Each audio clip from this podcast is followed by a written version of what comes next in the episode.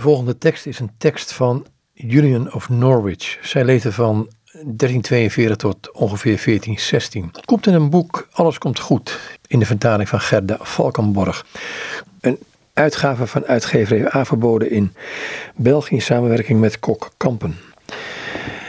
Union of Norwich schrijft het volgende. In mijn dwaasheid had ik me vroeger dikwijls afgevraagd waarom de zonde niet van bij haar aanvang door de grote vooruitziende wijsheid van God verhinderd werd. Dan immers, zo dacht ik, zou alles goed geweest zijn. Maar Jezus, die in het visioen op alle vlakken aan mijn nood aan informatie tegemoet kwam, gaf ook hier antwoord en zei: De zonde is een noodzaak, maar alles komt in orde. Het komt allemaal weer goed. Alles, maar ook alles wat het ook mag zijn, zal goed komen. Onder het naakte woord zonde bracht God me heel in het algemeen alles voor ogen wat niet goed is.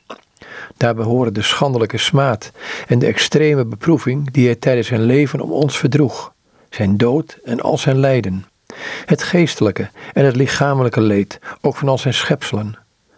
Bij het overschouwen van dit alles, met inbegrip van alle pijn die ooit geleden werd of zou worden, begreep ik dat de passie van Christus de grootste pijn is die alle andere overtreft. Maar de zonde zag ik niet. Ik denk dat zij geen wezenlijke substantie bezit, dat zij geen deel heeft aan het zijn, en dat men haar slechts kan kennen door de pijn die zij veroorzaakt. Deze pijn zie ik als iets dat beperkt is in de tijd, iets dat loutert, tot zelfkennis brengt en om ontferming doet smeken. Onze toeverlaat in het alles is de passie van de Heer.